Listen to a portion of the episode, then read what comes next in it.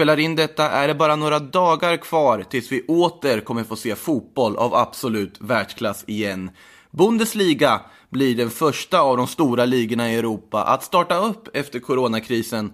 Och vad passar då bättre än att titta lite närmare här idag på en av Tysklands absolut intressantaste talanger på väldigt många år, nämligen Bayer Leverkusens offensive mittfältare Kai Havertz.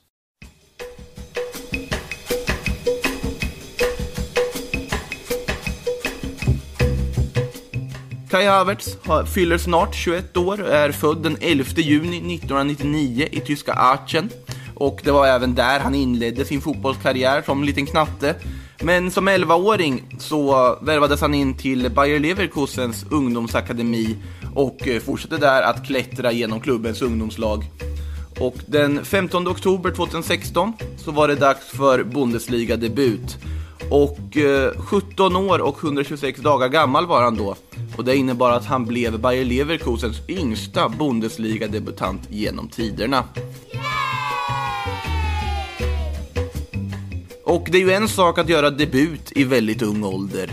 Det är en annan sak att efter debuten fortsätta att imponera så pass mycket att du i den åldern lyckas ta en ordinarie plats i ett så pass stort lag som Bayer Leverkusen i en så pass stor liga som Bundesliga. Men det var precis det här som Kai Havertz lyckades att göra.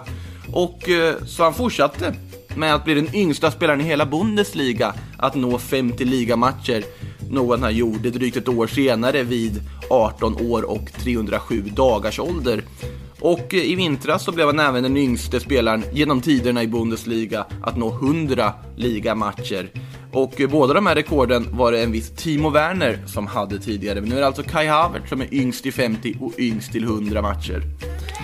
Men varför sitter vi och pratar om just Kai Havertz här idag då? Jo, det stora genombrottet, det som fick alla storklubbar i världen att få upp ögonen för den här mittfältaren, det kom förra säsongen, säsongen 2018-2019. En säsong där Kai Havertz exploderade i utveckling, en säsong där han kanske framförallt också la märke till målmässigt. Han gjorde hela 17 mål i ligan och stod för en rad imponerande insatser.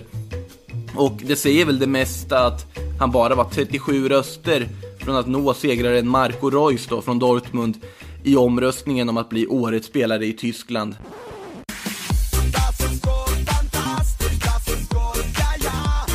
Den här säsongen då, den som, ja, antingen om ni lyssnar på det här lite senare, har startat upp eller som är på väg att starta upp eh, igen. Inte samma målproduktion i år, ska väl tilläggas, men eh, med sex fullträffar och fem assist så är det ändå ett helt okej okay facit för en offensiv mittfältare. Ska även tilläggas, om man tittar statistiskt, så har även Bayern Leverkusen inte levererat på samma sätt och Havertz har inte helt enkelt haft samma målmöjligheter som man kanske hade förra säsongen. Vad är det då som gör just Kai Havertz till en unik talang, kanske ni undrar, för att det finns ju väldigt många duktiga offensiva mittfältare här ute som är väldigt unga och talangfulla. Men just Kai Havertz kallas en Alleskönner i Tyskland, översatt då en ja, alltkunnare helt enkelt. För att han är så pass mångsidig och komplett. Till en början så kan man ju säga att precis som väldigt många andra offensiva mittfältare så har Kai Havertz en väldigt stor spelintelligens och en väldigt fin passningsfot och även en väldigt fin skottfot ska tilläggas. Fötterna i sig är silkeslena där det finns en otrolig kyla och en lugn i hans avslut, i hans passningar som också prickar rätt väldigt ofta. Eh, när, I ung ålder så var det så att Mesut Özil var en spelare som man naturligtvis jämfördes med en hel del. Eh, vilket var ganska passande också med tanke på att Kai Havertz tidigare har berättat att han just såg upp väldigt mycket till Mesut Özil som ung grabb. Men en annan spelare som är värd att göra jämförelser till Kai Havertz med en annan tysk spelare är faktiskt Thomas Müller.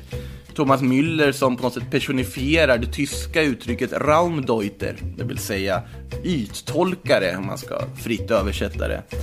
Alltså en spelare som kan tolka ytor och rör sig utan boll på ett ja, lite unikt sätt helt enkelt i då en position strax bakom en anfallare. Och Kai Havertz, en av hans främsta styrkor är faktiskt just också rörelsen utan boll.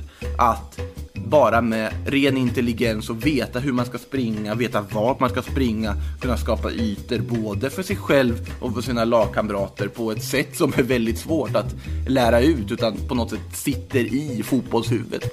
Ditt söta lilla helvete, jag förstår ingenting. Men Havertz har också en annan egenskap som väldigt få offensiva mittfältare med de här egenskaperna besitter. Nämligen faktiskt så pass enkelt som fysiska kapaciteter som inte så många har. Kai Havertz mäter 1 meter och 89 centimeter över marken i längd, vilket är ganska långt för den typen av spelare som är så pass teknisk och snabb och så vidare. Men Havertz är också ett hot i luftrummet. Han har vunnit en hel del nickdueller rent statistiskt och kan även göra mål på huvudet. Något som inte är så vanligt för just en offensiv mittfältare i den rollen. Och det gör ju Kai Havertz unik. Det gör honom till en så kallad alleskunner. En spelare som på så många sätt är komplett i det offensiva registret. Ska även tilläggas att även om hans primära position nu för tiden i Bayer Leverkusen är i en sorts offensiv mittfältsroll eller som en släpande anfallare så kan han även operera till höger. Han rör sig väldigt ofta ut på högerkanten också. Han kan operera lite längre fram i banan dessutom och även lite längre ner i ett mittfält.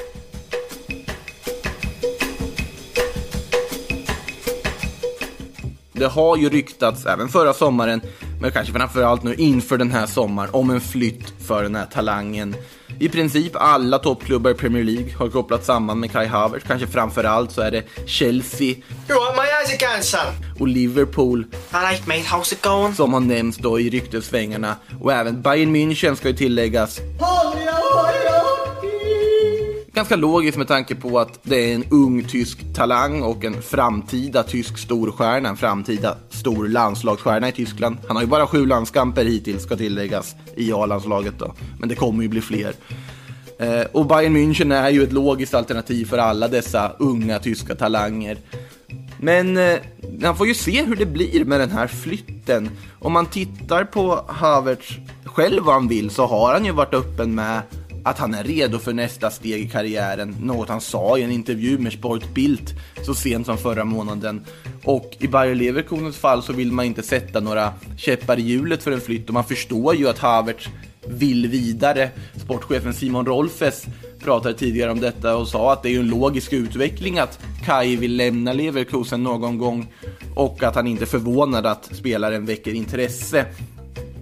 Men samtidigt har vi ju det här med coronakrisen och samtidigt har vi det här med transfersumman som kommer krävas för att locka över en Kai Havertz från Bayer Leverkusen för att få Bayer Leverkusen att faktiskt sälja den här guldklimpen man besitter.